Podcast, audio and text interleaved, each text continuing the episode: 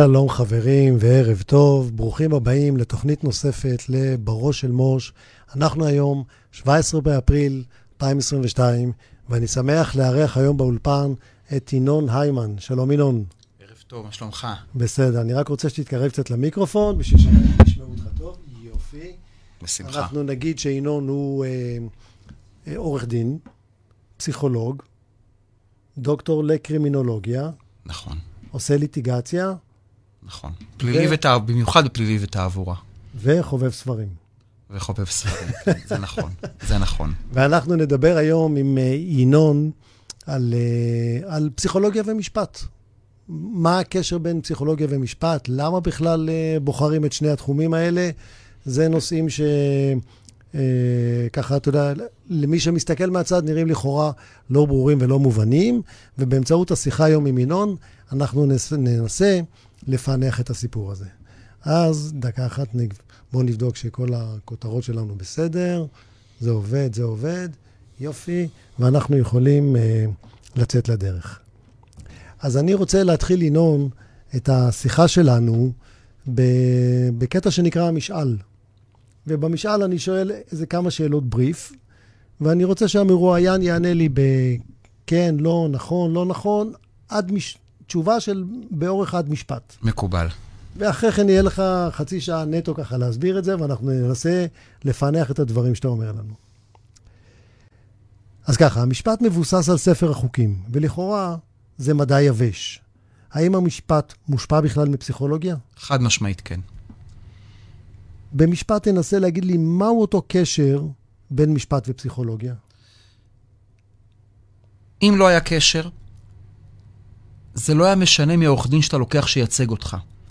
יש עורכי דין שאתה מוכן לתת להם מיליון שקלים שייצגו אותך, ויש עורכי דין שאתה לא מוכן לתת להם שקל שייצגו אותך. אם המשפט האובייקטיבי לחלוטין, זה לא משנה מי המייצג אותך. אז הדגש הוא על העורך דין. בין היתר. בפסיכולוגיה שאתה מדבר הוא על העורך דין. על העורך דין, על השופט ועל כל הדינמיקה שמסביב. אוקיי. האם תיק משפטי יכול להשיג תוצאות שונות אצל אותו שופט ביום אחר? לפי המחקרים התשובה היא כן. מעניין. האם אותו תיק משפטי יקבל תוצאה שונה אצל שופט אחר? כן. למה? כל שופט יש לו את הדינמיקה שלו ואת המטען שלו. אם לדוגמה חלילה יש תיק של תאונת דרכים, וקרוב משפחה של השופט הלך לעולמו בנסיבות דומות, יכול להיות שהשופט הספציפי הזה יסתכל על הסיטואציה בצורה מחמירה יותר. הבנתי. כולנו בסופו של יום בני אדם. אוקיי. האם אותו תיק שמיוצג על ידי עורך דין אחר יביא תוצאה שונה? חד משמעית כן. זאת אומרת, קשור העורך דין. חד משמעית כן. מה יותר חשוב, איכות הטיעון או איכות הטוען? זה משולב. אם אתה אה, אדם איכותי, ואתה לומד את התיק, ואתה מכיר את כל הדינמיקה מסביב, אז אתה תטען בצורה טובה יותר. אני אחדד את השאלה. קח את אותו טיעון משפטי. טיעון משפטי טוב לתיק.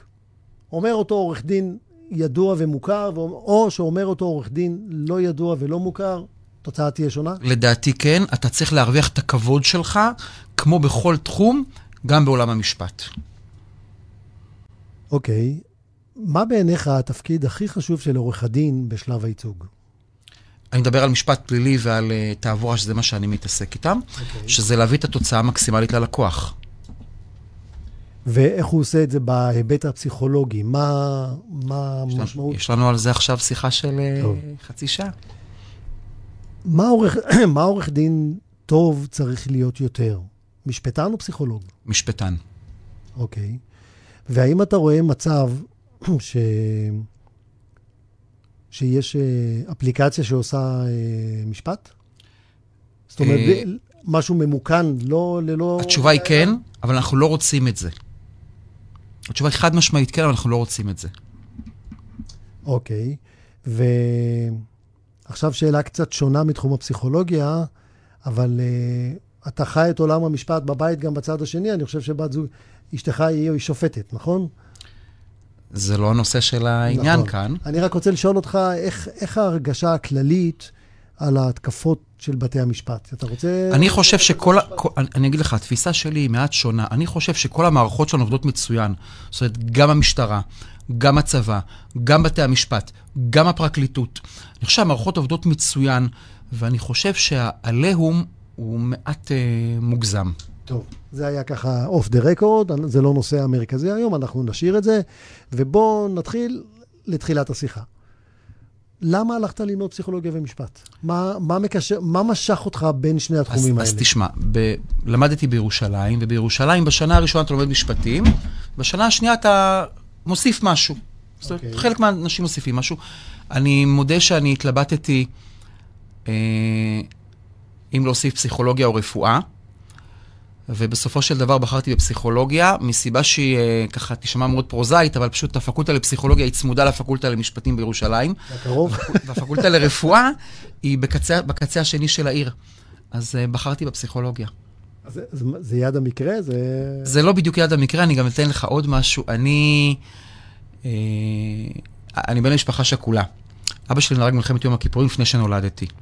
והייתי הולך כל שנה, מאז שאני בן שלוש, ל, אה, לבית הקברות, והחלום שלי היה להצדיע אה, לדגל מעל הקבר של אבא שלי. עכשיו, אה, כשהתחלתי את הצבא, עכשיו מי שמצדיע זה רק קצינים. וכשהתחלתי את הצבא, למרות שתכננתי קריירה אקדמית וקריירה משפטית וכו', מההתחלה תכננתי את זה, אמרתי שאני מאוד מאוד חשוב להיות קצין, כשכל מה שרציתי לעשות זה פשוט להצדיע מעל הקבר לדגל. זה נשמע מאוד מאוד מוזר, ואחרי זה שחשבתי על זה, אז כאילו ניסיתי להבין למה בעצם נהגתי כמו שנהגתי, למה עשיתי את הדרך הזאת של לצאת אחרי זה לקצונה ולחתום קבע וכו' וכו', כשבעצם כל מה שרציתי לעשות זה איזושהי פעולה פשוטה, שהייתי יכול לעשות אותה בלי קשר לשום דבר. ואז ככה, כשהגעתי ל, ל, לשנה השנייה, זה עניין אותי. אמרתי, אולי כשאני אלמד פסיכולוגיה אני אבין יותר דברים על עצמי ועל הסביבה ועל איך אנשים מתנהגים, ולכן אה, אה, זאת אחת הסיבות שהלכתי על זה. ופתרת את השאלה הזו? אה, כן. אנשים, רוצה לשתף אותנו? אנשים לא פועלים בצורה רציונלית. אה, וזה טוב. זה טוב שאנחנו לא פועלים בצורה רציונלית, שאנחנו לא פועלים כמו מחשבים. אה, יש בזה המון המון יתרונות, במיוחד יתרונות אבולוציוניים. לפעמים כשאתה חש בסכנה ואתה לא יודע למה ואתה בורח ממנה, אה, זה לא נובע ממשהו הגיוני, אבל זה מציל את חייך לאחר מכן. ואותו דבר ההפך, לפעמים שיש לך תחושה טובה לבן אדם, נגיד, אני יכול להגיד לך לגביך, יש לי תחושה מאוד טובה וחיובית לגביך, תודה. ולכן אני פה. אני בדרך כלל לא נוהג, אה, אני, אני לא נוהג להתראיין, לא על תיקים שלי, כי אני חושב שזה גורם נזק, ולא על תיקים של אחרים, כי אלה לא תיקים שלי. אבל כאן ככה דיברנו לפני, והנושא ככה מצא חן בעיניי, ואתה נראית לי אדם נינוח ואינטליגנט, אז באתי. אתה רואה איזה אינטואיציה. תודה, תודה. אז, אז בעצם הפסיכולוגיה, זה, יד המקרה לא קרתה סתם. אתה הגעת לשם כנראה בשביל אה, לפתור איזשהו... אה, לא שקלתי מנהל עסקים, לא שקלתי כלכלה, שקלתי מקצועות טיפוליים, שזה או אה, רפואה או משפטים. אה, סליחה, או, או רפואה או פסיכולוגיה, ובסוף, אה, שוב, מנסיבות המקרה הגעתי לפסיכולוגיה. זה ממש אה, מרגש אפילו. אז בעצם אה, החלום שלך היה כאילו לעמוד ולהצדיע על הקבר של אבא, ואת זה יכולת לעשות גם אה, בלי להיות, אה, בלי עם הפסיכולוגיה, אבל זה עזר לך להבין טוב יותר את, ה... את הקשר הפנימי הזה. כן, התשובה היא כן. אני חושב שבפסיכולוגיה אתה באמת לומד הרבה על עצמך. אתה לומד על הסביבה, אתה לומד על ההתנהגות של אנשים, וככל שאתה מעמיק בזה, אני חושב שזה זה הופך אותך לאדם יותר טוב. זאת אומרת, משפטים זה גם מקצוע שמשנה אותך.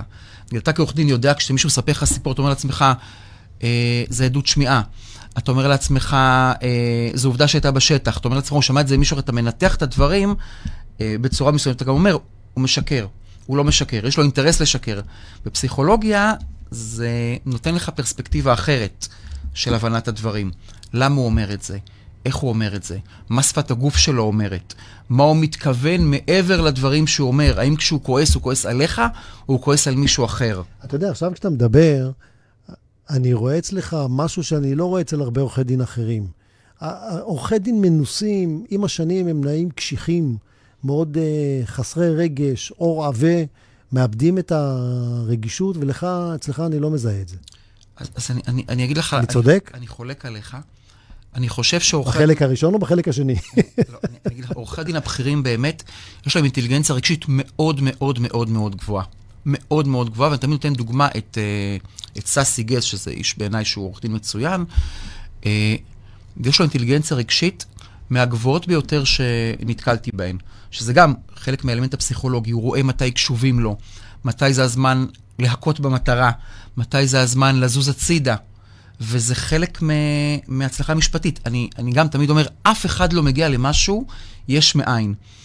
כל עורך דין בכיר ככל שיהיה מגיע או בשל אינטליגנציה חריגה, או בשל אינטליגנציה רגשית חריגה, או בשל יכולת לימוד חריגה, או בשל אה, הבנה חריגה של הסיטואציה. אבל אף אחד לא מגיע יש מאין למה שהוא מגיע, והאינטליגנציה וה...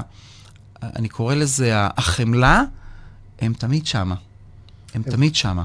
אוקיי, אז בוא, אה, בוא רגע נתחיל אז לדבר על ה, איפה הפסיכולוגיה נמצאת בתוך האולם של, של בית המשפט. וככה, דיברנו על זה שני משפטים בחוץ, אבל יש פה איזה משולש. נכון. התפיסה שלי את עולם המשפטים היא תפיסה הוליסטית. אה, בואו נתחיל מהמציאויות. יש מציאות משפטית, מציאות עובדתית ומציאות פסיכולוגית. מה זה אומר אה, מציאות עובדתית? זה מה שקרה בפועל. מה שקרה באמת. עכשיו, שים לב, אף אחד לא יודע מה קרה באמת. אף אחד לא יודע מה קרה באמת. אנחנו כעורכי דין לא יודעים מה קרה, כי לא היינו שם. השופט קל וחומר לא יודע מה קרה, כי הוא גם לא היה שם, וגם אנחנו מתווכים לו את המציאות. וגם לרוב אין לו סבלנות להקשיב בשביל להבין מה קרה. אני פה לא... טוב, זה... לא, לא... צריך, להיזהר, צריך להיזהר עם בדיחות על שופטים. לא, לא מעביר ביקורת בסוגיה, וגם האדם עצמו, הלקוח, גם הוא מפרש את המציאות בעיניים שלו מבחינה סובייקטיבית. זאת אומרת, המציאות העובדתית היא קיימת, אבל היא לא נודעת. אנחנו מגיעים למציאות המשפטית. המציאות המשפטית בעצם אה, מוצגת כמי שמייצגת את המציאות העובדתית. אבל זה לא ככה, וגם במוצהר זה לא ככה, ואני תמיד מציג את זה באלמנטים של החזקות. יש חזקות. אני אתן את הדוגמה שהיא הכי פשוטה והיא הכי נגישה לאנשים. אה, טסתי לחו"ל. הייתי בפריז לפני שבועיים, הצטלמתי בלייב על מגדל אייפל, נתתי את הרכב לילדים. הילדים נהגו ברכב. שמונה חודשים אחרי שחזרתי מחו"ל, אני מקבל דוח על שמי, כי הרכב על שמי, בשעה הזאת והסוד נהגת במהירות מופרזת, אנא בוא לבית משפט. מגיע לבית משפט, אומר לשופט, אדוני השופט, תראה את התמונה יפה יש לי מאייפל, בדיוק בזמן הספציפי של הדוח, אני לא נהגתי ברכב. מבחינה עובדתית, לא הייתי ברכב הזה. מה יגיד לי השופט? זה לא מעניין. מבחינה משפטית, הרכב רשום על שמך, ולכן אתה תישא אה, בנטל, אתה תישא בקנס, אתה תישא בשלב, מה שצריך. למרות שהם יודעים בוודאות שמבחינה עובדתית, לא אני נהגתי ברכב. אז בעצם בואו נתרגם את זה רגע לשפה של אה, אנשים מה, מהיישוב. המערכת המשפטית יודעת ל, להטיל עונשים. על אנשים, למרות שלא הם ביצעו פיזית את העבירה, מכוח כל מיני חזקות או, או אה, השלכת... למה אתה הולך דווקא לעונשים? אם יש חשש שהילד ממזר בדיני משפחה, אה, לא יעשו את הבדיקה הרלוונטית כדי לא ליצור לילד בעיות בעתיד. גם למרות שלפעמים אין חולק שמדובר בילד שהוא לא מהבעל אה, של הגברת. הלכתי לעונשים, כי דיברת על תעבורה, ותעבורה נכון. נגמר בעונשים. אבל, זה, לא- זה, זה לא רק... אבל זה לא רק. זה לא רק. מסכים, בהחלט שזה לא רק. זאת אומרת, הערך של גילוי האמת יכול להיות נסוג מפני ערכים אחרים בצורה מובהקת וברורה. זאת המציאות המשפטית. אוקיי. Okay. בסדר? ויש את המציאות הפסיכולוגית, שזה כל מה שמסביב, שזה מי זה השופט, ומי זה עורך הדין, ומהם הנסיבות, וכמה עורך הדין יודע להציג את השאלות. ויש תמיד מחקר שאני גם אה, מציג, שבדיוק שאלת אה, על השופט ביום נתון, אז יש מחקר של ועדת שחרורים, אתה מכיר את המחקר הזה? המחקר גילה שככל שאתה מתקרב לשעת ארוחת הצהריים של ועדת השחרורים, כך סיכוייו של מרשך להשתחרר נמוכים יותר. שזה גם, שזה דבר שהוא מדהים. זאת אומרת, זה, זה, מחקר שאחרי זה עשו לו מחקרי נגד. תסביר לאנשים למה זה, כי השופט רוצה להגיע לצהריים. זה לא השופט, זה, זה כל הוועדה, הם רוצים לאכול. הם פשוט רוצים לאכול. אוקיי, נעשו אחרי זה מחקרים שמצאו תוצאות שהן קצת שונות, אבל המחקר הבסיסי, זה בדיוק מה שהוא מצא. אוקיי, אז, אז אה, אנחנו את השיחה הזו בעצם מקדישים למשולש הפסיכולוגי שנע בין, אם אנחנו נגדיר אותו, הוא בעצם יש בו ארבעה מרכיבים. זה השופט, התובע, נכון, הסנגור והנאשם. והנאשם, כן. ואני תמיד גם אומר, וגם הצופים בקהל, כי לפעמים כשאתה כשאתה מייצג, אין לנו מושבעים בישראל, אין לנו מושבעים בישראל. אה, דרך אגב, יודע למה אין מושבעים בישראל? לא. אין מושבעים בישראל משתי סיבות. קודם כל, כי כולם פה מכירים את כולם, וב', המושבעים הם באו, זאת אומרת, המושבעים זו שיטה של הבריטים. כל קולוניה, אה, כשהבריטים ניהלו, בחלקם נותרו מושבעים. בישראל לא ניתן היה ליצור מושבעים בתקופת הקולוניה הבריטית, מכיוון שהמושבעים היו מבני עמנו, ואז הם היו שופטים את אה, אה, לוחמי המחתרות לקולה. זאת אומרת, הבריטים רצו כשיש לוחם מחתרות, שעשה איזה פיצוץ, אז הם רצו שהוא אה, יושב בכלא, או מעבר לכך, ואם היו מושבעים שהם מבני המקום, מהנייטיבס, אז הם היו משחררים אותו. לכן אין מושבעים בישראל אה, עד היום. אבל גם הקהל בעולם הוא משמעותי, כי אני יכול להגיד לך שהיו לי הרבה תיקים שניהלתי, ובתום הדיון, אה, לקוחות שישבו באולם, הם באו וביקשו אה, את שירותיי בהמשך. זאת אומרת, זה גם דבר שהוא משמעותי. כן. לדעתי, זה, כן. זה אני גם כן אה, מכיר, גם מניסיון שלי זה קרה. אז אוקיי, אז בתוך, המשולה, בתוך המרובע הזה, אנחנו, אנחנו אה, משחקים. עכשיו, נכון. איך אתה... תסביר קצת איך, איזה כלים פסיכולוגיים יש לעורך דין, או מה הוא צריך לעשות במרובע הזה. כשהוא נכנס לאולם בית המשפט, איפה ההבדל בין עורך דין אחד לעורך דין אחר? קודם כל, התפיסה שלי, אה, אין הזדמנות שנייה ליצור רושם ראשוני. והרושם הראשוני נקבע מאוד מאוד מאוד מאוד מהר. אתה תמיד צריך אה, להתלבש במיטבך. אף פעם אל תהיה מרושל. אה, אם צריך גלימה, אז תגיע עם כעורך דין. גלימה. אני כעורך דין מאוד מאוד מקפיד. על, אתה עכשיו מדבר על העורך דין. נכון. אוקיי. מאוד מאוד מקפיד. תמיד לדבר בלשון נקייה. אף פעם לא אה, להרים את הקול בצורה חריגה, אף פעם לא לדבר חלילה בצורה בוטה או גסה, לתת כבוד גם לצד השני וגם לבית משפט, אלה דברים שהם מאוד מאוד משמעותיים. והם מוכיחים את עצמם? חד משמעית כן. זה, אה, אה, זה משחק לטווח ארוך. זאת אומרת, השחקנים הם גם שחקנים חוזרים. אוקיי? גם השופט, הוא לא תמיד יזכור אם ניצחת או הפסדת, הוא יזכור איך דיברת? את הקונספט הכללי של התיק. עכשיו, אה, מעבר לכך, אסור לך להיצמד לטקסט. זאת אומרת, יש עורכי דין שהם מאוד מאוד אה, נצמדים לאיזשהו טקסט, ולפעמים הטקסט הזה הוא לא מתאים ל, לסיטואציה ולדינמיקה שקורית בבית משפט. צריך גם לדעת אה, להתאים את עצמך לסיטואציה. צריך להיות מאוד ערניים לשפת הגוף של כולם, גם של הצד השני, גם של הבן אדם שאתה חוקר אותו, גם של השופט.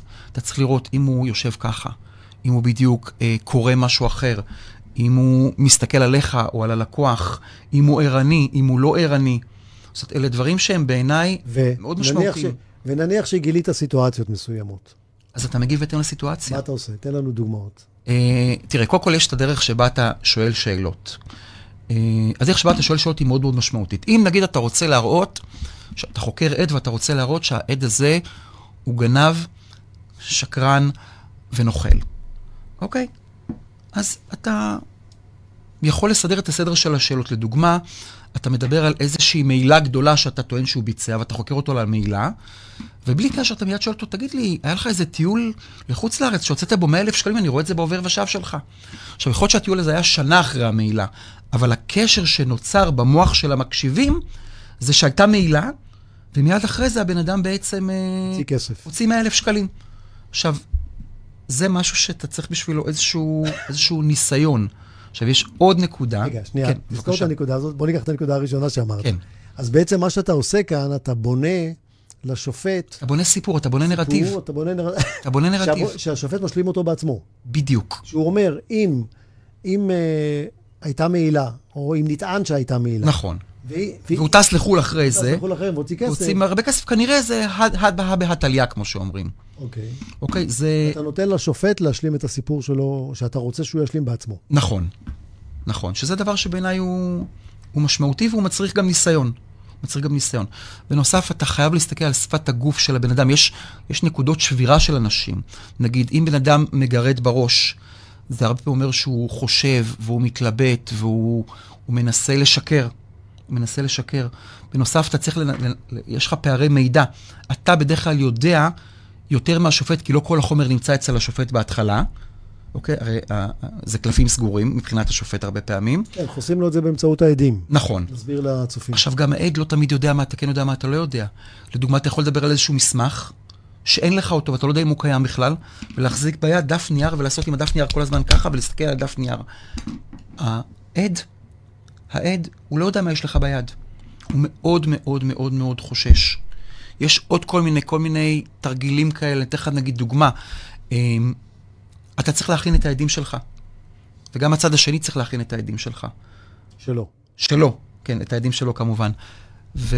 אבל העד עצמו, אתה אומר לו ככה, אתה אומר לו, אדוני, איך הכינו אותך לעדות הזאת? הכינו אותך לעדות? האם עורך דין הכין אותך לעדות? עכשיו, העד מתבלבל, למה הוא מתבלבל? כי הוא אומר לעצמו, יכול להיות. שהעורך דין עשה משהו שהוא אסור. אז יש פה שתי אפשרויות. אם העד אומר לך, הוא לא הכין אותי לעדות, אתה אומר לו, אדוני משקר בוודאות. אני מכיר את חברי, עורך דין מוכשר, מוצלח, ותיק. אם הוא לא הכין אותך לעדות, זאת רשלנות. אני חוזר על השאלה, האם הכינו אותך לעדות או לא הכינו אותך לעדות. ואז הוא יכול להתבלבל ולהגיד, כן, כן, בעצם הכינו אותי לעדות, בלבלתי. ואז אתה כבר, אתה יודע, אתה אומר לו, איפה אדוני שיקר? כאן או לפני זה? עכשיו, אם הוא אומר לך, זאת אומרת, ה- אתה משחק על הפערי ידע, אתה תמיד משחק על פערי הידע. אוקיי, עכשיו, שנייה, אני רק אמשיך את הדוגמה ברשותך. אם הוא אומר לך, כן, הוא הכין אותי לעדות. אתה אומר לו, אדוני בטוח, אדוני מבין את המשמעויות של מה שהוא אומר? עכשיו, מה העד אומר לעצמו בראש? כנראה עשינו כאן משהו אסור. שוב, הכל זה משחקים של איזה שהם סוגים של, אה, של פערי ידע. כן. וצריך לדעת להיכנס ב- בנישות האלה. בנישות האלה. אז- אז הבאת דוגמה עכשיו, לג- למשל, איך אנחנו מתמקדים ב- בצד השני, בנחקר. בוא רגע נעבור לשופט, שהוא הגורם הכי משמעותי ב- כן, אז בסיפור הזה של המשפט. נכון. ובוא אז- רגע נראה איך הפסיכולוגיה משפיעה על השופט. אז קודם כל, אה, המטרה של השופט, צריך לזכור, היא להגיע בעצם לחקר האמת. זאת המטרה של השופט. הוא רוצה להגיע בעצם לאמת העובדתית. ואתה רוצה שהוא יגיע לאמת העובדתית, אבל שהיא רלוונטית לנרטיב שלך. אז צריך לנסות להוליך את המשעול הזה, צעד אחר צעד. לכן, אם לדוגמה יש לך איזשהו, אני תמיד אומר, פאנץ', מתי תשים את הפאנץ'? בהתחלה או בסוף? או באמצע? אם אתה שם את הפאנץ' בהתחלה, זה יכול לשבור את העד. אם אתה שם את הפאנץ' בסוף, יכול להיות שזה יוציא את כל העדות של העד כלא רלוונטית. אני טוען, הפאנץ' שלך, כשהשופט בפול ריכוז. הרי אם תגיד את הפאנץ' כשהשופט לא מרוכז, מה זה יעזור לך? מה זה יעזור לך? עכשיו, אה, שופט יכול להיות לך או בודד או בהרכב קלטה. אז רגע, שנייה, אני יכול להציע פה הצעה אחרת? כן, בטח. אני, אני, מהניסיון שלי, מהמם. חושב שאולי צריך, הזמן לשלוף את הפאנץ' הוא שנייה לפני שהשופט קיבל החלטה. כי לאורך התיק, לאורך התיק יש נקודות שבהן השופט עוד מתלבט. אני, אני אוהב, תכף אני אגיד לך מה אני חושב, אוקיי? אני אגיד... אה, אני חושב שיש שופטים שמקבלים החלטה לפני, שופטים שמקבלים החלטה, לא, אם, אם הם, תלוי איך הם עברו על החומר, כמה הם עברו על החומר. שופטים שמקבלים את ההחלטה באמצע ושופטים שמקבלים את ההחלטה בסוף. זאת אומרת, זה תלוי הרבה מאוד ב, בדינמיקה של השופט, גם השאלה אם זה הרכב של אדם בודד או אם זה הרכב קלטה. גם בהרכב קלטה אתה צריך לראות את הדינמיקה בין, ה, בין השופטים. אז תראה, בוא רגע נדבר, אה, מי שקיבל בסוף זה המקרה הכי קל. שופט שקיבל את ההחלטה בסוף, לא תמיד.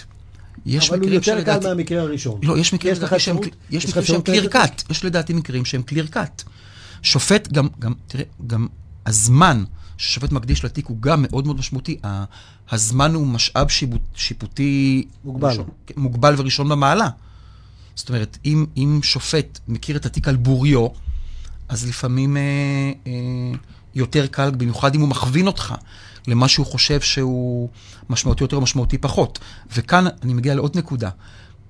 כל מה ששופט שואל אותך זה חשוב, גם אם אתה חושב שהשאלה הזאת היא פחות משמעותית, הרי מבחינה פסיכולוגית, אם זה לא היה חשוב לשופט, הוא לא היה, הוא לא לא היה שואל שואל. אותך. אז בוא רגע ניקח סיטואציה ש... שאיתה, שלדעתי היא אולי הנקודה, הסיטואציה הכי קשה במשפט. זה המקרה הראשון שאמרת. שהשופט בא עם איזושהי, קרא את התיק, למד אותו, ברמת ידיעה כזו או אחרת, הוא שולף את התיק, הוא בא לפה, ואז הוא כבר בא עם איזושהי דעה מגובשת. אם הדעה היא לטובתי, זה, זה מצוין, דרך אגב. אנחנו אם, הדעה, מדברים על המקרים שהיא לא לטובתך. אם המקרה הוא לא לטובתי, מה, אני... איך, איך עכשיו אנחנו מתמודדים, אוקיי. ופה נכנס האלמנט הפסיכולוגי. אז קודם כל, שוב, השאלה איזה תיק זה. יש לך תיקים שהם עבי כרס, ויש לך תיקים שהם מינוריים. אה, אתה צריך להבין קודם כל מה מפריע לשופט. מה מפריע לשופט, ואז לאט-לאט לנסות אה, אה, לפצח את זה. סוגיה אחר סוגיה אחר סוגיה. אה, אם השופט אה, מתקיל אותך בסוגיה שאתה לא בקיא בה, משפטית או עובדתית, אתה לא חייב לתת תשובה במקום. זה גם, זה איזשהו סוג של ניסיון. עורכי דין צעירים, גם כשאני הייתי עורך דין צעיר לפני 20 שנה, שופט שואל משהו ואתה רוצה לענות לו, לפעמים עדיף להגיד לשופט, אדוני השופט, הבנתי את הסוגיה, אני רוצה לתת לאדוני תשובה מסודרת, בכתב, אה, עם פסיקה, עם חקיקה. כן, לפעמים אתה צריך גם לקחת את הזמן אה, לאורך רוח ולמחשבה. ופה אני מגיע איתך לנקודה שאתה ככה מרמז לה, בסופו של דבר, רמת המוכנות שלך בתיק היא, היא, היא, היא די משמעותית. זאת אומרת, אם הצד השני והשופט בקיאים בתיק יותר ממך, לא משנה כמה אתה מתוחכם וכמה אתה ורבלי וכמה אתה משכיל, אתה תפסיד את התיק. אתה תפסיד את התיק. Uh, לכן בעצם השליטה בתיק היא א'-ב'. עכשיו, אתה רוצה נקודות כשל פסיכולוגיות אצל אנשים, אצל עדים, אני אתן לך. רגע, אני רוצה רגע שנייה כן. להתמקד רגע בסיטואציה, כן. שהיא בעיניי, היא בעיניי אה, אולי המומחיות הכי גדולה של ליטיגטור. כן. ליטיגטור, אנחנו נגיד לקהל הצופים שלנו, שזה אותו עורך דין שמייצג בבתי משפט, עושה ליטיגציה. זה היכולת להזיז את השופט מנקודה, מנקודת א' לנקודה ב'. נכון. זו בעיניי אולי המומחיות הכי גדולה של ליטיגטור. אז שוב, בפלילי זה בדרך כלל בזמן שאתה חוקר את העדים. באזרחי, שזה יותר אה, אתה, יש גם הרבה מאוד אלמנטים אה, משפטיים. בפלילי, בדרך כלל יש לך מצב נתון, ואתה צריך להציג את התזה שלך במצב הנתון. אוקיי? וזה, וזה מה שאתה צריך לעשות. אז חקירת העדים היא הדרך להזיז את השופט מצד לצד, אבל אתה חייב להבין מה מפריע לשופט. זה בעצם הבסיס להכל, ומתי יש נקודות שבהן השופט הוא יותר מרוכז, אוקיי? אתה, אתה, נגיד, אם אתה רואה את השופט, נגיד, עושה ככה, אז תאמין שזאת נקודה שהיא משמעותית. אם השופט מטה את ראשו קדימה, זאת נקודה שהיא משמעותית. אם העד אומר משהו והרכב התלתה מדבר בינו לבין עצמו, אתה מבין שיש כאן איזושהי נקודה שהיא משמעותית. אם בית המשפט שואל שאלה בעצמו, זה הדבר הכי משמעותי. אז בעצם מה שאתה אומר זה לקרוא את הסימנים שאתה רואה באולם, שזה הרבה נכון. מהם גם שפת גוף. נכון, ואנשים... לדעת לפענח אותם כן, ולהכניס, ו... לה, להתאים, אותם, להתאים את ההתנהלות שלך לאור נכון, הסימנים שלך. נכון, ועורכי דין לא ערים לזה הרבה פעמים. עורך דין יש לו פעמים בא עם דף כזה עם שאלות, והוא פשוט מתמקד בשאלות, וחלק מהשאלות לעיתים, תוך כדי, הן הופכות להיות לא רלוונטיות. דרך אגב, גם יותר משמעותי מה לא תשאל, מאשר מה כן תשאל. זה גם אלמנט שהוא משמעותי. יש שאלות שאסור לך פשוט, אה, שאסור לך פשוט לשאול אותן. וזה גם, זה בא עם ה... עם ה... נגיד העד אומר לך, אה, אני חושב שראיתי אה, את הנאשם. אתה אומר לו, מה הסבירות שראית את הנאשם? הוא אומר לך, 80 אחוז. עכשיו, 80 אחוז זה מתחת לרף המשפט הפלילי. אם תמשיך לחפור על זה, פתאום יגיד לך, לא, לא, ראיתי בעצם בכמעט ודאות שראיתי. אוקיי? זאת אומרת, לפעמים צריך גם לדעת איפה, לא להוציא מהעד 100 אחוז, אלא להוציא מהעד 60 אחוז. כן, על זה, על זה ש, שני דברים להגיד. אחד, זה לפעמים, אם, אם יש משהו שהוא לא חשוב להגיד, חשוב לא להגיד. נכון. לפעמים אה, זה, והדבר האחרון שאנחנו תמיד מלמדים את זה ולומדים את זה בעצמנו, תיזהר מהשאלה הנוספת. נכון, אני מסכים. לפעמים השאלה הנוספת הזאת יכולה לחרב את הכל, אתה כבר מגיע לפעמים לקצה והשגת כמעט הכל ואתה בתחושה טובה. אתה אומר רק עוד שאלה אחת, והשאלה הזאת יכולה לחרב הכל. נכון. וזה חלק מהניסיון. נכון. אוקיי, אז, אז אתה אומר, אנחנו ב, נמצאים בתוך, ה, בתוך האולם של, ה, של המשפט, אתה בחקירה נגדית, אתה אומר, חשוב להיות קשוב לסימנים שאתה מקבל מהסביבה, וזה בעיקר מה, מההרכב שאתה... וגם מהעד עצמו. כן. גם מהעד עצמו אתה לומד לאט לאט את העד, איך הוא שם את הידיים שלו, אם הוא מנענע את הרגל. אתה גם, אם אתה מצליח לחקור אותו הרבה זמן, אתה גם מגלה מה נקודות הלחץ שלו. אתה מגלה דפוסים של לחץ, שזה גם משמעותיות. הדברים שאתה יודע שהוא משקר בוודאות אם הוא עושה איזה משהו, הוא מעפעף, או עושה ככה כשהוא משקר, או מסתיר את הפה כשהוא משקר, אתה לאט לאט עולה על זה. אז uh, אתה יודע, עכשיו אני חושב על זה, בלימודי משפטים לא מלמדים אותנו שפת גוף. לא. מלמדים, אני לפחות, שלמדתי בזמנו, אז היה debate, איך קוראים לזה? תורת נכון, השכנוע. נכון. אבל שפת גוף לא לימדו אותנו. לא לימדו. נכון, אני מסכים איתך. אני חושב שזה דברים שצריכים אה, לשים עליהם את הדגש, מי שבוחר בליטיגציה. עכשיו יש עוד כל מיני, אני, אני יכול לתת עוד כל מיני ככה דברים שהם קטנים בעיניי משמעותיים. אם נגיד יש לך עד שאומר, אה, על אירוע לפני נגיד שנתיים וחצי, לא עשיתי את זה, לא היו דברים מעולם. ואז אתה מתחיל לחקור אותו, מה הוא עשה באותו יום. הוא יגיד לך, הייתי באוטובוס, והלכתי לדודה שלי, ואז הלכתי לסבתא שלי, ואז הלכתי לעבודה, ואז דיברתי בטלפון. ואז אתה אומר לו, אבל אדוני, זה היה לפני שנתיים וחצי, בוא תספר לי מה עשית ביום שלישי לפני שלושה שבועות. הוא אומר לך, אני לא זוכר. אתה אומר לו, אם אתה זוכר בדיוק מה עשית לפני שנתיים וחצי, ולא זוכר מה עשית לפני שלושה שבועות, כנראה שמשהו ביום הזה היה לך משמעותי לזכור מההתחלה ועד הסוף, כי רצית להסוות משהו. ואת זה אנשים, נגיד, לא יודעים. עוד דבר שאנשים לא יודעים, אנשים לא זוכרים מזגי אוויר. שוב, זה משהו שהוא נקודה שהיא פעוטה, אבל אם נגיד ביום הספציפי שאתה חוקר עליו ירד גשם זלעפות, והייתה סופה אדירה, ואתה הולך ומוציא מהרישום המטאורולוגי את הנתונים האלה, אתה שואל את הבן אדם, אתה זוכר את מזג האוויר, אם אתה זוכר אם היה אביבי, אם היה שמשי, והוא אומר לך, היה יום רגיל. ואז אתה פתאום אומר לו, אבל אדוני, אני מביא לך את הרישום המטאורולוגי. זה אמפירית אתה אומר שאנשים לא זוכרים? אה? אנשים, כן, זה, יש עשרות מחקרים שמראים, אנשים לא זוכרים מזג אוויר. עוד אלמנט שאני ככה יכול לתת לך איזה, אה, בהתאם לשאלה שאתה שואל, אנשים נותנים לך את התשובות. יש מחקר של גברת בשם לופטוס, שהיא אה, חוקרת הזיכרון, היא אה, נחשבת מספר אחת בעולם, שעשתה ניסוי מאוד מאוד יפה. הניסוי שלו הוא כזה, מראים לאנשים סרטון. בסרטון יש התנגשות בין שתי מכוניות.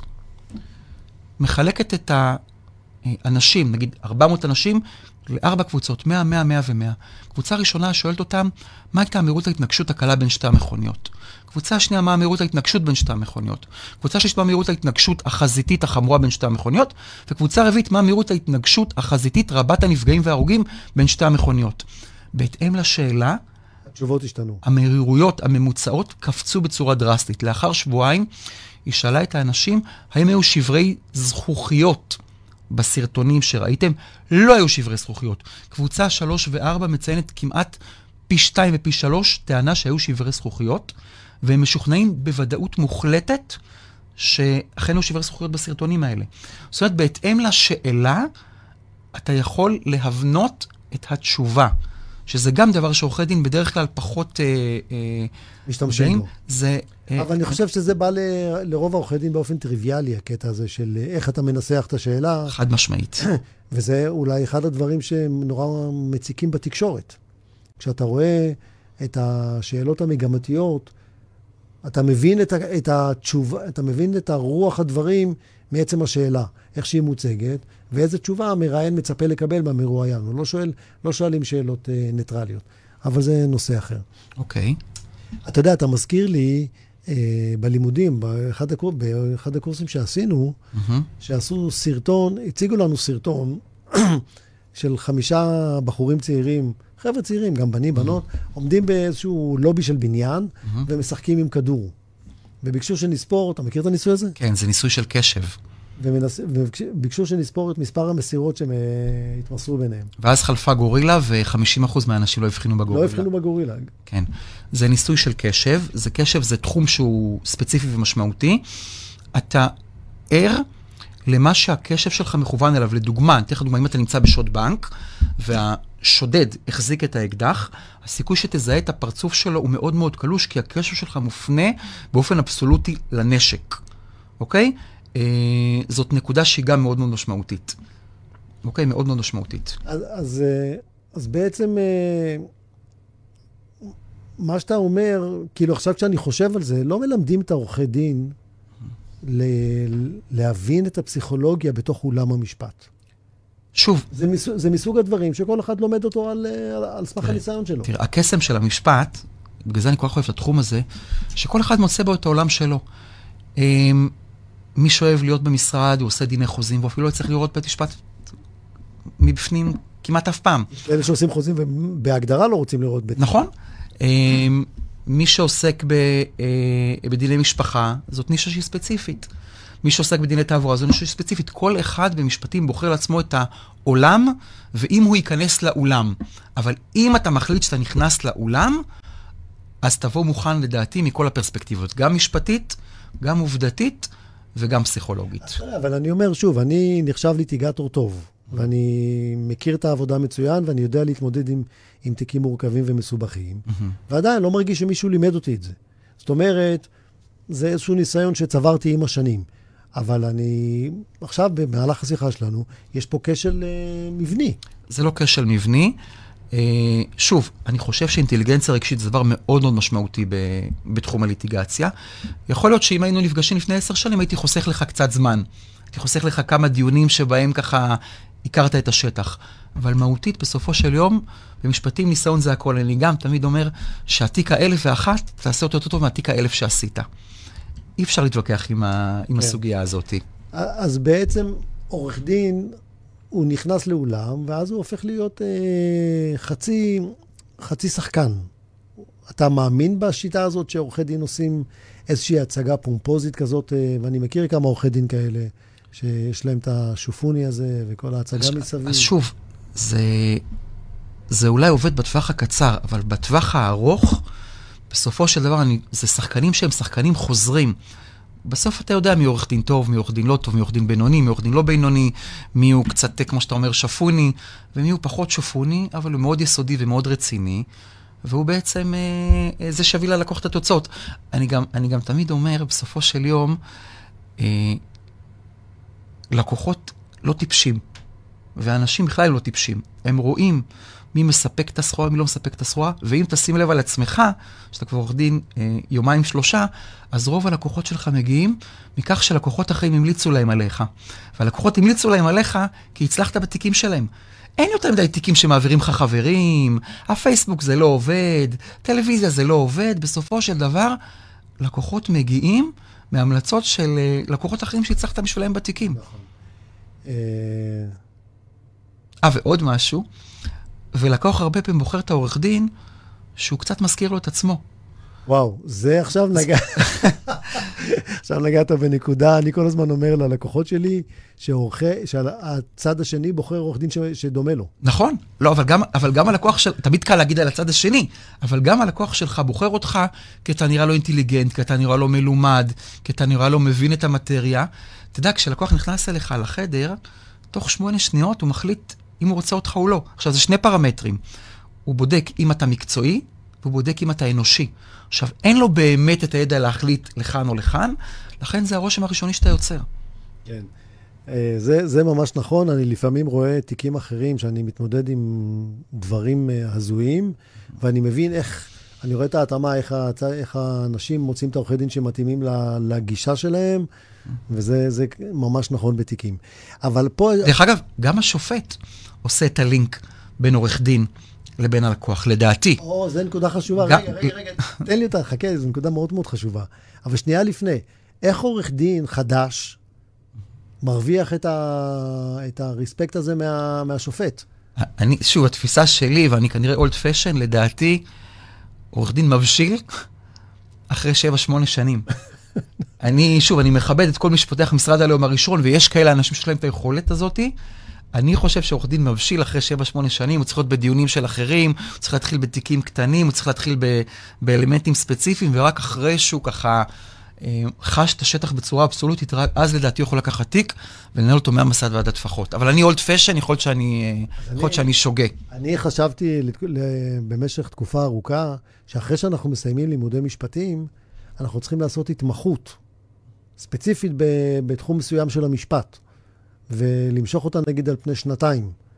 ואז זה מבוא, נגיד, אה, אתה מתעסק בתעבורה, אז תחשוב רגע שמי שגומר לימודי משפטים, מקבל את הרישיון וכולי, עובר מסלול של שנתיים הכשרה, שבהם הוא לומד על בוריו את תחום התעבורה, ורק אז הוא יוצא לשוק. כי אחרת יש מצבים שאנשים לוקחים תיקים שאין להם מושג איך הם מנהלים אותם, והם יכולים לעשות נזקים אדירים. מה אתה אומר על זה? אני מסכים איתך, אבל זה לדעתי לא ריאלי. אני יכול לתת לך איזושהי דוגמה, אה, יש לי, אה, היה לי סטודנט, אני יכול להגיד את השם שלו, אה, בחור בשם אביעד חייט. יש אחד הסטודנטים הכי טובים שהיו לי אי פעם. איפה, איפה לימדת? הוא למד אצלי בנתניה. Okay. אוקיי. ומההתחלה, אתה, מז, אתה, מז, אתה, אתה יודע, אני כבר מלמד 20 שנה, אתה כבר מזהה את הסטודנטים החזקים. והוא היום עורך דין מאוד מצליח בחיפה, הוא עורך דין לדעתי כמעט עשור. והתיק הראשון שנכנס לו למשרד זה תיק רצח. התיק הראשון שנכנס למשרד זה תיק רצח. והוא, בחוכמה גדולה, הוא התקשר אליי, איך שנכנס לתיק, אמר לו, תראה, ינון, זה תיק רצח, אני עורך דין שבועיים, הייתי שמח אם uh, נעשה את התיק הזה ביחד, ועשינו את התיק הזה ביחד. Uh, הורדנו את התיק הזה מרצח להריגה. אה, בן אדם בסוף ישב, זה, זה היה תיק רצח כמעט סגור ונעול, וזה ירד להריגה, בן אדם ישב שמונה שנים, אה, שזה תקופת זמן מאוד מינורית ב- בתיק, בקונסטלציה הזאת שזה הייתה, וככה אביעד גם למד לנהל תיק רצח, וגם הלקוח היה מאוד מרוצה ממנו, והביא לו אחרי זה הרבה לקוחות אחרים, וגם אחרי זה תיקים משמעותיים שהיו לי אה, בצפון, אז לקחתי איתי את, אה, את אביעד, ש...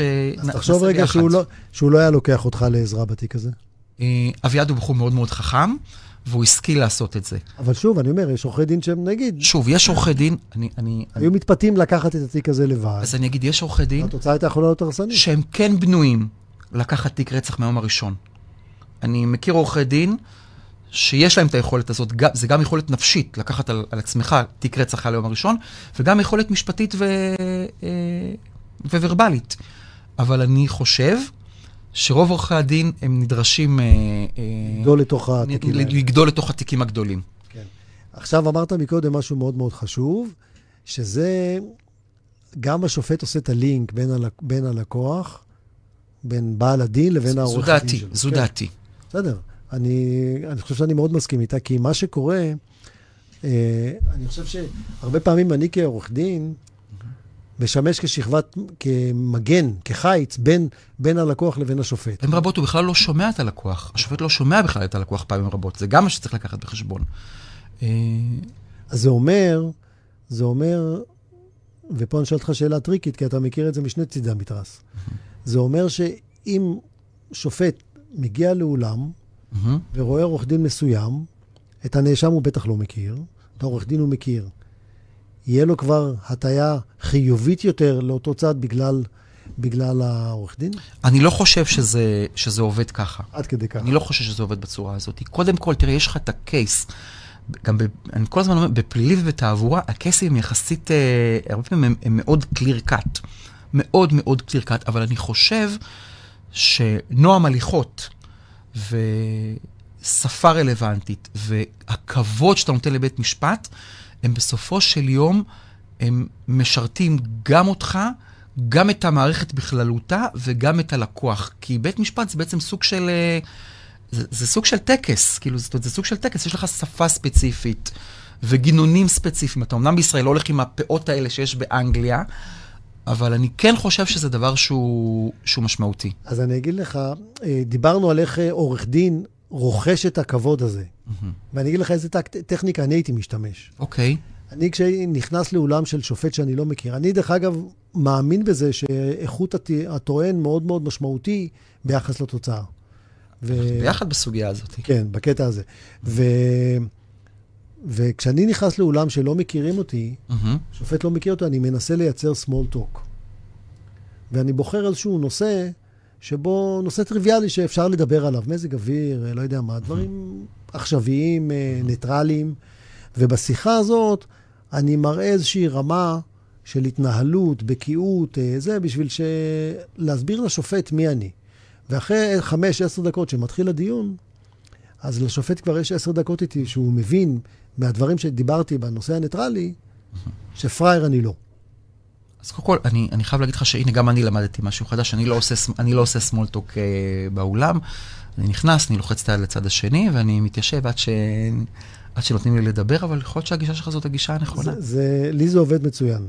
זה עובד מצוין. אז- יש לזה שני, שני אספקטים. אספקט אחד שזה שובר קצת את הקרח. מהמם. בכלל, זה מראה ש, שאנחנו מסוגלים להת, להתעלות מעבר למחלוקת. לחיצת היד שלך, שאתה לוחץ ליד השני, זה אקט שלצערי, היום בין עורכי הדין הפך להיות קצת אה, אפילו נדיר, פחות רווח. וזה מראה על אליגנטיות, זה מראה על זה שאתה מכבד את המקצוע, מכבד את הצד השני, זה לא משהו אישי, זה משהו שזה, אתה שומר על פן מקצועי וכולי, וזה יפה. זה עושה את, עושה את העבודה שלו, אני בהחלט אה, אה, מעריך את האקט הזה. small talk משחרר הרבה לחצים ונותן כלים אה, להתמודד. אני אנסה את זה בפעם הבאה. בסדר, יש לנו כמה דקות לסיום, אני רוצה לחזור לנקודה, שהיא בעיניי הנקודה הכי קשה בזה. אתה, עכשיו, איך אתה מזיז שופט או הרכב שבאים ומביעים עמדה שהם נגדך. קח סיטואציה, הגשת ערעור, הנה, העלית תמונה בפייסבוק שאתה בערעור בעליון, באת, שופטים בערעור, בערעורים לומדים את התיק, רואים את זה, נכנסים, לא אוהבים להתאמץ, מה שמעניין אותם זה שהערעור הזה ייגמר הכי מהר שאפשר, באים אליך, עורך דין היימן, תרד מהערעור. אז קודם כל, אה, אני מנסה לברר מה מפריע. מה מפריע להם בסיטואציה הספציפית.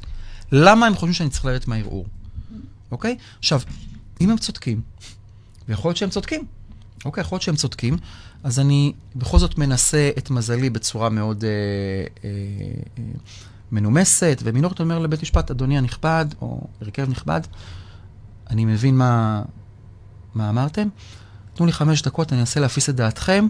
חמש דקות הם מבחינת הלקוח נצח נצחים. ככה אני תמיד ככה הכל uh, בנימוס. Uh, זה כשאני מבין שבעצם uh, uh, אין איזו נקודה ספציפית שמהווה נקודת חולשה, אלא הם חושבים שכל כל הקונספט הוא לא, הוא לא נכון.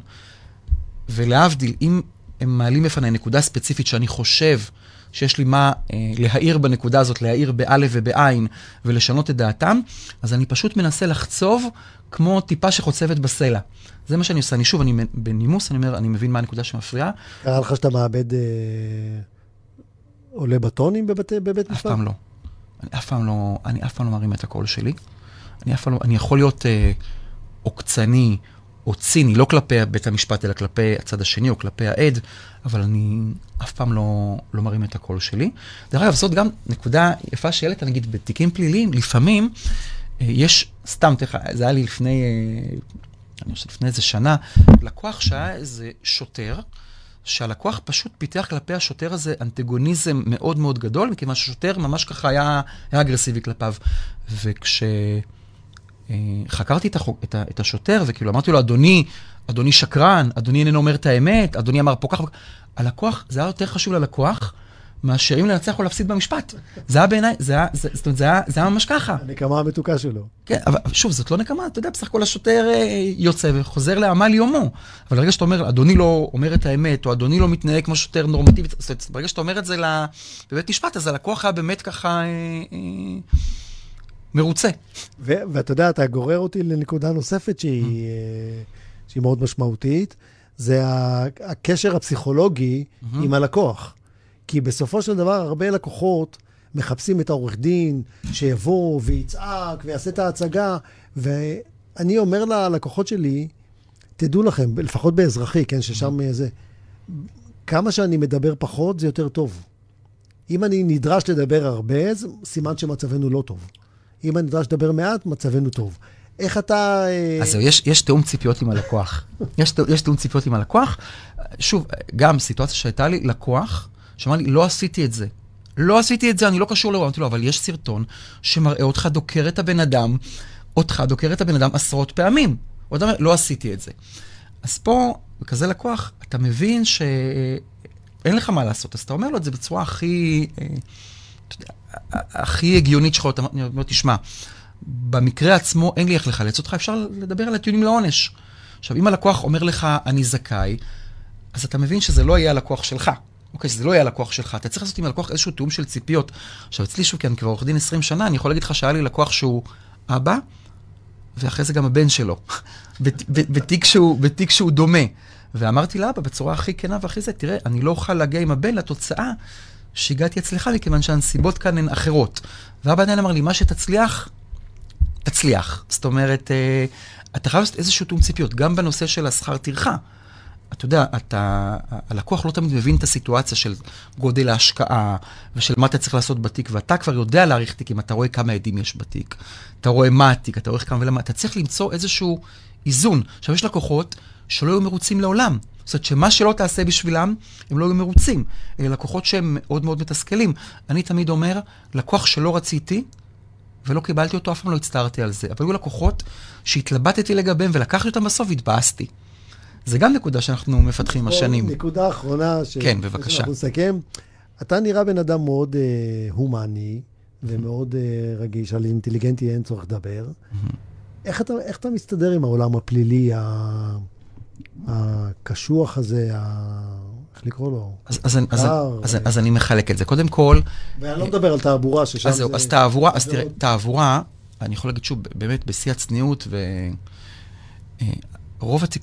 חלק ניכר מהתיקים הגדולים בתעבורה, בשנים האחרונות הגיעו אל פתחי גם תאונה עם שמונה הרוגים בני משפחה אחת, וגם אה, באמת תאונ... אירועים מאוד מאוד משמעותיים, ובתעבורה בדרך כלל זה אנשים נורמטיביים לחלוטין. כן, דווקא אני לא מדבר על תעבורה, אתה צודק. עכשיו, בקטע של הפלילי, בקטע של הפלילי. יש לך שתי סיטואציות.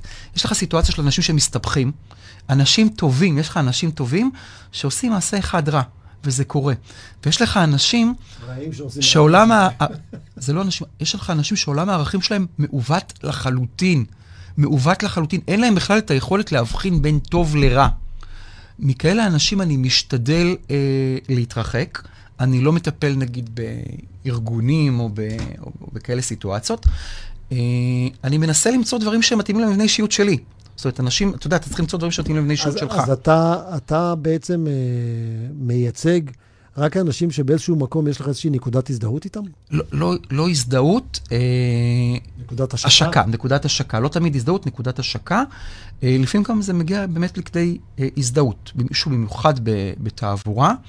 בתעבורה אתה יכול לאבד ריכוז לשנייה. ולגרום תוצאות ולגרום לתוצאות שהן הרסניות. נגיד, אני שוב, אני לא אנקוב בשמות, אבל לקוח שלי, שגרם למותם שמונה בני משפחה אחת, זה בחור שהוא היה סגן אלוף במילואים בלוטר, בחור שהיה סמנכ"ל באלביט.